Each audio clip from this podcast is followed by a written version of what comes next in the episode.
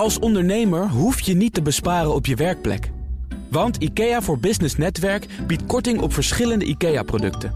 Word gratis lid en laat je werkplek voor je werken. IKEA, een wereld aan ideeën. Ondernemerspanel. Door inflatie en hoge energiekosten geven veel ondernemers het op. En de familieruzie bij Flevosap wordt nog sappiger. De rechter wijst een andere verantwoordelijke aan voor wanbeleid.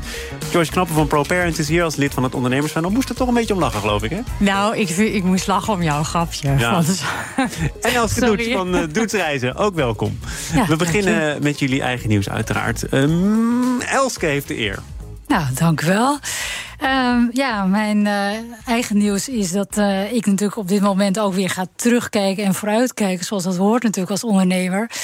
En ik eigenlijk de afgelopen jaren tot 2022 altijd aan mijn bedrijf werkte, zoals dat hoort. Maar dit jaar helaas noodgedwongen eh, in mijn bedrijf heb gewerkt. Om het gewoon te redden. Om het allemaal onder controle Want te wij houden. zijn na twee jaar stilstand van corona weer opgestart. En dan zeggen een heleboel mensen tegen mij: te gek, alles kan weer, alles gaat weer. Maar dat is niet zo eenvoudig gebleken, ben ik achtergekomen. En mijn eh, bijstand en werk was hard nodig. Maar dan is het toch ook heel logisch dat je eh, in je bedrijf gaat werken en niet aan je bedrijf. Tuurlijk. Ik weet sowieso niet, en je hebt er een blog over geschreven, Ja. of dat niet een semantische kwestie is. Werk je niet allebei eh, en Ja. in je bedrijf en aan je bedrijf? Want Nou, als je niet het in je bedrijf werkt, kun je niet aan je bedrijf werken, toch? Want dan is je bedrijf er op een gegeven moment niet meer. Nee, maar het is super belangrijk om eh, als je, als je ja, een goede leider bent van een tent, om aan je bedrijf te werken. eh, om het juist verder te brengen. Hè. Dus eh, eigenlijk ben ik een soort aanjager. En gaat mijn team daarmee verder aan de slag. Zo was het dus een aantal jaar. En zo is het niet meer. En dan, dan word je dus echt in de waan van de dag meegesleurd om dingen onder controle te houden. Terwijl, als je kijkt naar natuurlijk de dag van vandaag, zijn er natuurlijk ontzettend veel uitdagingen voor de reiswereld. Is klimaat een ontzettend grote uitdaging? Daar heb ik ook allemaal ja, stappen in gezet. Maar dat wordt dan natuurlijk wel afgeremd omdat ik dus te veel in de dagelijkse operatie moest werken. En kan het in 2023 toch weer anders worden dan in 2022? Een beetje terug naar de dagen van wanneer? Ja, nou ja, heel graag. Eh, Ja, maar eh, wat denk je? Nou, eh, inmiddels komen wij dus wat meer op sterkte. Want dat was vooral het probleem. Dat ik dus niet voldoende mensen had om het werk te doen. Dus inmiddels gaat dat een stuk beter. Eh, maar daar moet ik natuurlijk eh, altijd een, eh, nou ja, voorzichtig in zijn. Want dat kan opeens weer keren, dat tij. Maar als dat zo doorgaat, dan kan ik weer terug naar mijn oude rol. Joyce, heb jij wel eens het idee dat je iets te veel bezig moet zijn met het korte termijn gebeuren, waardoor je de lange termijn noodgedwongen Nou, min of meer uit het oog verliest? Ja, kijk, de discussie over werk je in je bedrijf of aan je bedrijf. Ik denk dat iedere founder en CEO daar eh, zich enorm in herkent. Ik denk dat dat ook voor iedereen, ja, in ieder geval voor mij ook herkenbaar is. Dat het ook verschillende fases is dat je andere keuzes daarin maakt. Maar dat je, ik ben het wel heel erg met Els geweest, dat je altijd eigenlijk moet reflecteren dat jouw positie is eigenlijk aan het bedrijf. Hè? Dus je moet het aanjagen omdat je een team hebt. En, en jij bent een enabler voor een team. Hè? Dat is jouw rol als CEO. Want anders loop je in de weg en dan ben je gaten aan het vullen, terwijl daar eigenlijk andere plekken zouden moeten zitten. Maar als die gaten door niemand anders worden gevuld, Tuurlijk. dan zul je wel moeten, toch? Tuurlijk, maar dat is ook dat is het eeuwige dilemma. Hè? Dat is, zie ik, eh, als ik naar mijn eigen rol kijk ook. Hè? Dan, ja, ik ben al een hele tijd veel te managerial bezig. Terwijl dat niet mijn core is. Dat is ook niet mijn achtergrond. Dus ja, in, ik ben eigenlijk beter in een wat andere rol. Dus dat klopt. Ja, daar, daar, eh, hè, maar daar ben je resources en mensen Dus het is ook aan het tijd En- reflecteren, begrijp Nee, ik. maar dat dus is daarvoor is kerst nu, toch? Ja. Ja, joh. En die Niet eten, maar reflecteren. Nee, maar dat zijn denk ik gewoon ja, hele herkenbare dilemma's. Dat je ook in en uitstapt en kan switchen tussen die beide rollen als CEO. Ik denk dat veel eh, ondernemers zich daar wel Ik switch even naar jouw onderwerp. Ja. Eh, dat gaat over iets eh, waar jij zelf vakmatig ook enorm mee bezig bent. Ja, dat klopt. Mijn nieuws van de dag is dat ik het wilde hebben over de petitie van 21e eeuws verlof. Die gelanceerd is onder andere door Eline Leijten. Ehm, en die is gelanceerd op 22 november door een hele grote groep van ongeveer 50 mannen en vrouwen in de geboortezorg, waaronder ik ook. Omdat we eigenlijk pleiten van ja, hè, dat, dat gelijke rechten tussen mannen en vrouwen. We moeten eigenlijk dat doorbetaald verlof moet worden uitgebreid. Maar ook lange recht op pauze en rust voor zwangeren. Eh, maar bijvoorbeeld ook verlof na miskraam en doodgeboren vanaf 24 weken zijn allemaal zaken die nog niet op orde zijn. Petitie heeft veel aandacht gegenereerd. Klopt, in heel veel verschillende media. Inmiddels. 15.000 mensen hebben ondertekend. Ja. En wat is dan nu het vervolg, het misschien wel politieke vervolg?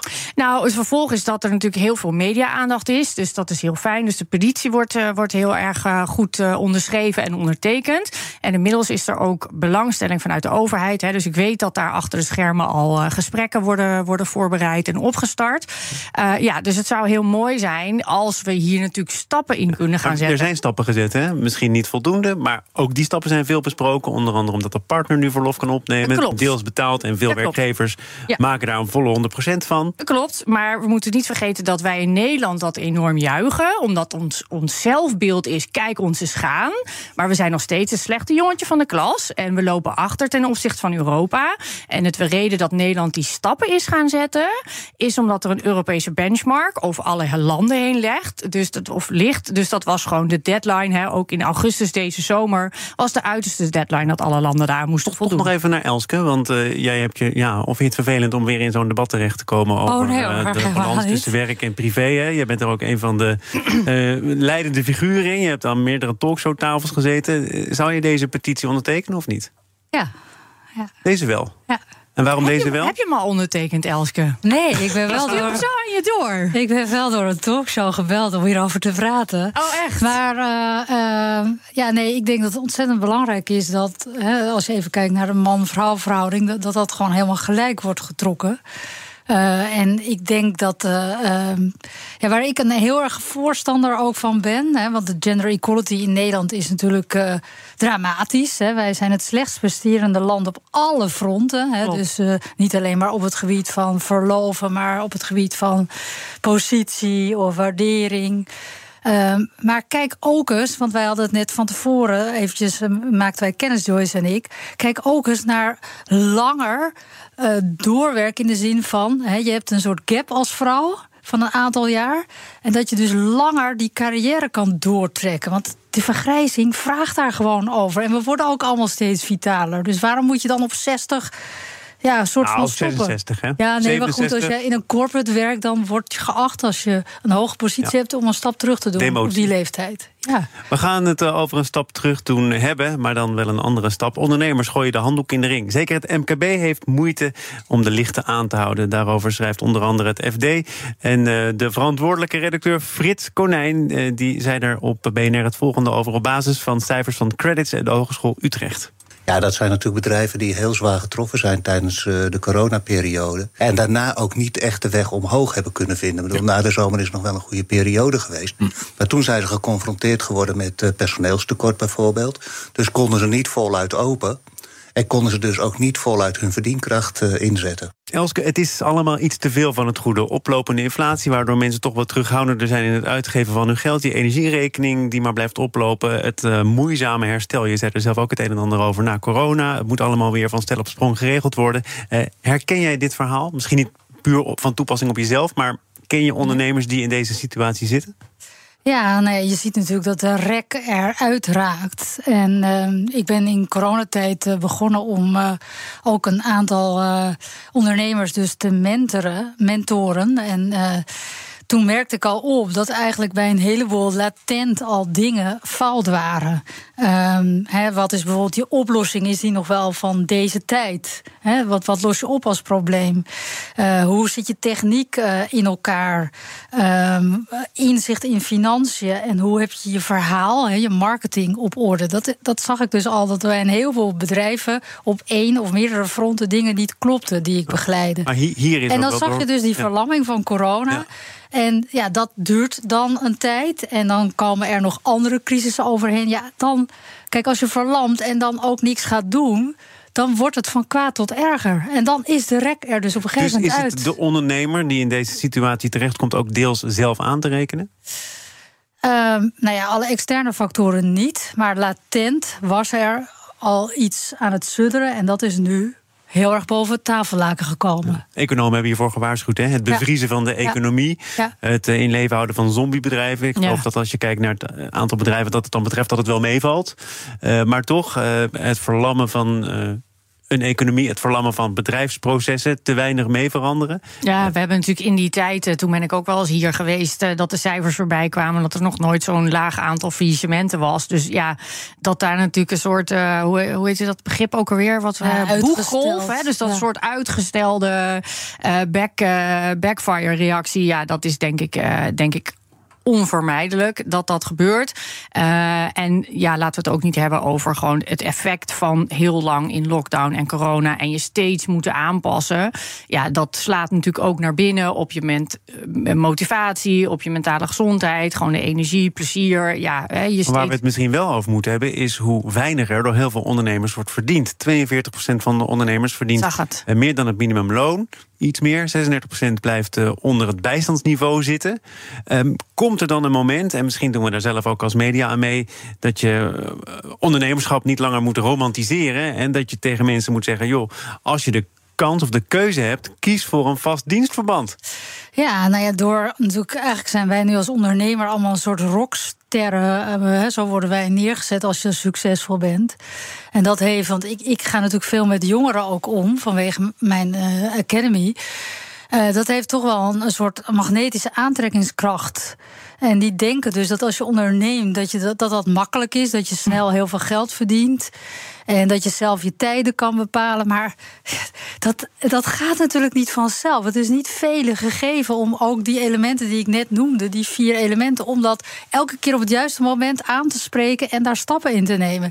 Dus ja, niet iedereen kan daar dus even. Maar jij komt dan toch langs zijn. voor een reality check, denk ik? Ja, zeker. Ze willen nu ik, allemaal heb, geen ik, ondernemer keer, meer worden. ik heb een keer voor die van die drop-outs... dat waren allemaal uh, jongeren in Amsterdam-West... dat waren echt hele zware drop-outs gesproken. Nou, ik kon ze bijna niet bereiken. Ze zaten dus in de Luxeflex. En ik moest anderhalf uur met hen aan de slag over ondernemerschap. En toen ik de vraag beantwoordde... wat is de duurste reis die je ooit hebt verkocht... Dat was dus boven een ton voor een paar personen. Toen gingen ze aan. Ah, ja, dan en wordt het toen ze wisten in welke auto ik reed, toen gingen ze nog weer aan. Toen gingen ze uit de Luxeflex. Ja, ja. Maar dat zijn natuurlijk de verkeerde impulsen. Ja. Vind jij dat ondernemerschap uh, over het algemeen wordt geromantiseerd? Um, ik, is, ik vind dat het, dat het wordt geromantiseerd. Ik vind dat er. Uh, ik, er komt wel steeds meer aandacht voor. Ja, wat er eigenlijk in de coulissen gebeurt hè, van een organisatie. Uh, hoe lang ondernemers eigenlijk bezig zijn voordat ze überhaupt zichtbaar worden in de media, of voordat ze überhaupt financiering allokeren, of voordat ze nou ja, allerlei stappen maken. Uh, daar zit vaak al een heel proces uh, aan vooraf. En ik denk dat we dat uh, ja, te weinig horen en te weinig voorbij zien komen. Uh, tegelijkertijd vind ik ook ja, de, uh, de verhalen die in de media voorbij komen op, op de ondernemersplatforms gaat altijd over hè, zoveel miljoen hier opgehaald en dan het liefst in de tientallen miljoenen. Heb je ook een keer uitgenodigd na een succesvolle investeringsronde? Zeker. Excuus daarvoor. Zeker. Nee, geeft, heel, geeft helemaal niks. Maar um, kijk. Uh, je ziet niet wat het proces is wat daar aan vooraf is gegaan. Nou, ik ben daar vrij transparant over geweest, zoals je weet. Uh, maar ja, je, je ziet veel minder in die hele vroege fase. En natuurlijk die enorme klappers, die worden opgepakt in de media. En ja, daar mag best het hele grijze gebied daartussenin mag ook wel meer aandacht voor. Ik denk dat dat wel wat realistischer We gaan naar een uh, grijs gebied. Misschien wel donkergrijs zelfs. BNR Nieuwsradio. Zaken doen. Thomas van Zeil. De leden van het ondernemerspanel zijn Joyce Knappen van ProParents en Elske Doets van Doets Reizen. De curator van Next Fashion, dat is het moederbedrijf van modeketens Miss Etam en Steps, heeft de eigenaar Martijn Rozenboom voor de rechter gedaagd. Daarover schrijven verschillende kranten, het FD, NRC. De curator meent dat er sprake is van onbehoorlijk bestuur en wil dat de zelfverklaarde bedrijvendokter opdraait voor een tekort van zo'n 4,5 miljoen. Want het is niet goed afgelopen met die ketens. Die zijn failliet gegaan nadat eerder een succesvolle doorstart werd beloofd. En meneer Rozenboom zegt ja, corona-lockdowns, dames en heren. En technisch gezien waren het nieuwe BV's, nieuwe vennootschappen. Die hebben geen recht op steun. Zie er dan nog maar eens wat van te maken. De andere kant van het verhaal is, hij heeft die vennootschappen zo ingericht... dat het geld binnenkwam bij een paar van die vennootschappen... en alle kosten bij anderen. En die zitten in het faillissement, die andere niet. Bovendien heeft hij ook niet of nauwelijks geïnvesteerd in de winkels. Geen fatsoenlijke website. De voorraden een beetje uitverkocht. Um, is hier, dit is mijn samenvatting, sprake van onbehoorlijk bestuur? Ik denk het wel, ja. Ja. Het komt op mij over als een soort uh, ja, kunstje wat hij eh, elke keer opnieuw uitvoert. En eh, ja, als hij dus eh, winkelconcepten koopt, dan zal je daar dus ook echt in moeten investeren. En dan moet je het niet allemaal gaan separeren, zodat het dus heel gunstig voor jezelf eh, uitkomt. En Hoe kan het dat zo'n man dan vaker dit kunstje kan en mag Ja. uitvoeren? Nou ja, ik denk dat er ook heel veel eh, in dat segment bedrijven zijn die, waarbij de nood heel hoog is. En dat je dan denkt, in godsnaam. En Ten koste van natuurlijk de mensen die er allemaal werken. Want je kunt kijken naar het track record van deze bedrijvendokter. En hij zal niet helemaal alleen zijn. Er zullen mensen die ongeveer dezelfde werkwijze hanteren rondlopen. Eh, moet een curator dan zeggen: Nou, eh, u mag denken in godsnaam, maar niet deze meneer? Nou ja, eh, nu, nu is het dan iets achterafs. Hè? Dus dat hij hiervoor aansprakelijk wordt gesteld. En dat vind ik een hele mooie tik op de neus. Of die tik voldoende is, dat is nog de vraag. Wat denk jij? Nou, kijk, hij wordt natuurlijk een beetje weggezet als soort bedrijvendokter. Hè, met, met een vergelijkbaar patroon op verschillende plekken. Ik denk dat we ook niet moeten vergeten aan de, de merken waar dit over gaat. Zeker met Miss Eestam. Ik moest gisteren in de voorbereiding moest echt helemaal nadenken. Miss Eestam, oh, staat dat nog? Dat is echt iets zeg maar, uit mijn jeugd in de winkelstraten. Toen we ook nog Vet, Vet, Vet en Coolcat en V&D. En nou, er zijn natuurlijk heel veel... mooi rijtje, Nou, Joyce. Ja, iconische namen die gewoon voor mij echt. Hè, dus als je het net hebt over ja, hoe ontwikkelt de markt zich, waar zijn we inmiddels aanbeland, wat voor soort concepten doen het nu goed en sluiten aan bij de huidige tijd. Ja, maar dat, dat, daarom heeft hij het ook Ja. allemaal voor een prikje kunnen kopen. Hè? Dus er zat natuurlijk wel een geschiedenis eh, ja, maar dan moet je dus investeren in de toekomst. En dat heeft hij niet Dan gedaan. moet je wel echt een pivot gaan maken en moet je echt een plan gaan maken. En dan zie ik, ja, dan zullen er ook scherpe keuzes worden gemaakt. Hè, in die hele keten van allerlei bedrijven. Dat je zegt, ja, hoog segment doet het goed, laag segment niet. Of midden, of we moeten scherper kiezen. Ja, eh, kijk, ik vind het wat lastig om te zeggen van... ja, is hier sprake van onbehoorlijk bestuur? Dat weet ik niet. Ik zat er niet bij. Ik heb de stukken niet gezeten. Hè. Dat is volgens mij, eh, denk ik, het, het Maar je eerlijke hebt- Je antwoord. praat nu als een jurist, Joyce. Wat zeg je? Je nee, maar praat nu dat als is, een nee, maar dat, jurist. nee, maar dat vind ik. Ik vind ook als ondernemers, hè, dus dit is een ander verhaal, want dit is een- iemand die een investeerder die bedrijven opkoopt. Hè, maar ik vind dat je als ondernemers, ja, je ziet echt maar zo'n stukje van wat je in de media leest Maar in, maar laat ik dan, het laten we deze, verhaal. deze vraag dan eh, even parkeren. Maar blijft overeind. Stel dat eh, een meneer met een zekere reputatie, mag ook een mevrouw zijn, zich meldt. Ja. Eh, misschien wel als enige. Ja, Ga je in zee met zo iemand of niet? nou, kijk. Het is natuurlijk niet zo gek dat mensen met een zekere reputatie daarna in een volgende situatie weer alsnog heel veel geld kunnen ophalen en eigenlijk ook weer in staat worden gesteld om opnieuw vertrouwen te wekken. Ja, omdat daar toch weer Maar investeerders in zijn toch dat steeds doen. gekker dat zo iemand eh, dat vertrouwen weet op te wekken. Ja, maar dat zien we toch bij heel het- veel grootheden. Kijk naar de Amerikaanse verkiezingen. Ik bedoel, daar- we zien heel veel hele gekke dingen waar de gemiddelde burger zich van verbaast over hoe kan het dat iemand met zo'n reputatie en verhaal weer opnieuw die stap kan maken of hoe kan het dat sommige mensen bepaalde uitspraken kunnen doen en dan daar gewoon mee wegkomen. Ja, dat ik vind ik heb wel gekkere dingen voorbij Je kan gekomen. concluderen dat wij ons brein maar 3% bewust doet. Dus daar zit het hem in. We gaan naar eh, familiebedrijven. Elske, daar zou je ongetwijfeld van houden. Fruitbedrijf Vermeulen Food Group, bekend van Flevosap, is al vier jaar het toneel van een familieruzie die het bedrijf in grote problemen bracht. De oudste broer beschuldigde eerst de jongere broer van wanbeleid, maar nu zegt de rechter dat die oudere broer juist verantwoordelijk is. Ik kijk toch maar eventjes te beginnen naar jou, Elske, want ja, familiebedrijf of niet, jij staat hier. Eh, volg jij dit soort kwesties met extra interesse? Ehm, ja en nee, want eh, het is, ik, ik heb inderdaad een familiebedrijf overgenomen. Ik doe dat dus alleen. Daar ben ik dus wel heel blij om. Dat ik dat dus niet. eh, ik heb een zusje, met mijn zusje doe. Eh, maar ik, ik kan uit ervaring spreken dat het ongelooflijk ingewikkeld is om, hè, zoals eh, eh, men ook wel zegt, te handelen en wandelen. dus met een familielid tegelijkertijd. Want zakelijk en privé gaat door elkaar lopen. Maar ze zijn hier elkaar echt naar de keel gevlogen. Ja, zeker. En, Heel ja, erg uit de hand gelopen. kijk, de bank heeft zijn vertrouwen opgezegd. Ja, het is kredieten niet meer heftig. verstrekt. Het is heel, heel, erg, heel erg ontspoord. En je moet altijd proberen ehm, ja, wel iets te kiezen, denk ik. Eh, dus eh, waar je kies je voor?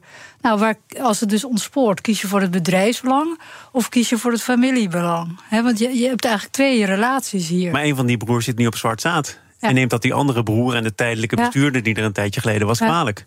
Die, Ja. die zegt, ik ben naar Ja, dus- gedirigeerd. volledig ontspoort dit. En dat, dat moet je ten alle tijde voorkomen. Maar ik weet, ik heb ook wel eens op zo'n familiebedrijven congres gesproken. Ja, dat er gewoon heel veel spanningen zit in. Het zijn prachtige bedrijven. Ze zijn heel, vaak heel krachtig, heel conservatief gefinancierd. Maar heel veel spanning zit erin. Uh, Ja. Nee, ja, het is natuurlijk echt heel erg verdrietig überhaupt dat dit, dat dit je treft. Eh, het feit dat je financieel niet door kan en op zwart zaad zit... is natuurlijk voor iedereen hartstikke zwaar. En Ja, dat je dan persoonlijk. familie... Dat, dat bedrijf is er weer enigszins bovenop gekomen. Nee, dat snap ik. Want er moeten natuurlijk hele scherpe keuzes worden gemaakt. voor ook de continuïteit van de onderneming. Hè. Laten we wel wezen, er staan mensen op, op de loonlijst. Er staan die verantwoordelijkheden zijn echt verder dan een conflict tussen twee broers, zeg maar. Hè. Dus dat is denk ik gewoon ook belangrijk dat er hele scherpe keuzes gemaakt zijn. Dat is denk ik ook volkomen terecht. Maar ja, we gaan de kerstdagen in. Deze mensen dus ook. Hè. Dus iedereen met een familiebedrijf waar, waar altijd van alles speelt. Ja, ik Oh nee, hoor, de volgende rechtszaak is al aangekondigd. maar ja, het is ook Ja, maar een tijd kijk, voor de, reflectie. de ING is er dus ook nauw in betrokken. Hè? Dus dat betekent dus dat er dus ook sprake is natuurlijk van financiering. En dat geeft ook extra druk. Dat, is, dat werkt ook allemaal niet lekker. Nee. Nee, dat verergert het ook nog eigenlijk, denk ik. Dit werkte wel lekker, vond ik in ieder geval. We zijn er doorheen gevlogen, Ja. zonder al te grote ruzies. Hebben jullie nog wat? Nee, We zijn geen gelukkig familie, maar. hè? Nee, dat ook. familie, nee, dat is het. Joyce Knappen van ProParents en Elske Doets van Doets Reizen. Dank voor jullie bijdrage aan dit Ja, panel. Zometeen de dagelijkse Oekraïne-updates met Bernard Hammelburg. Het inrichten van je eigen zaak is best wel wat werk. Daarom biedt IKEA voor Business Netwerk 50% korting op interieuradvies. Word gratis lid en laat je werkplek voor je werken. IKEA, een wereld aan ideeën.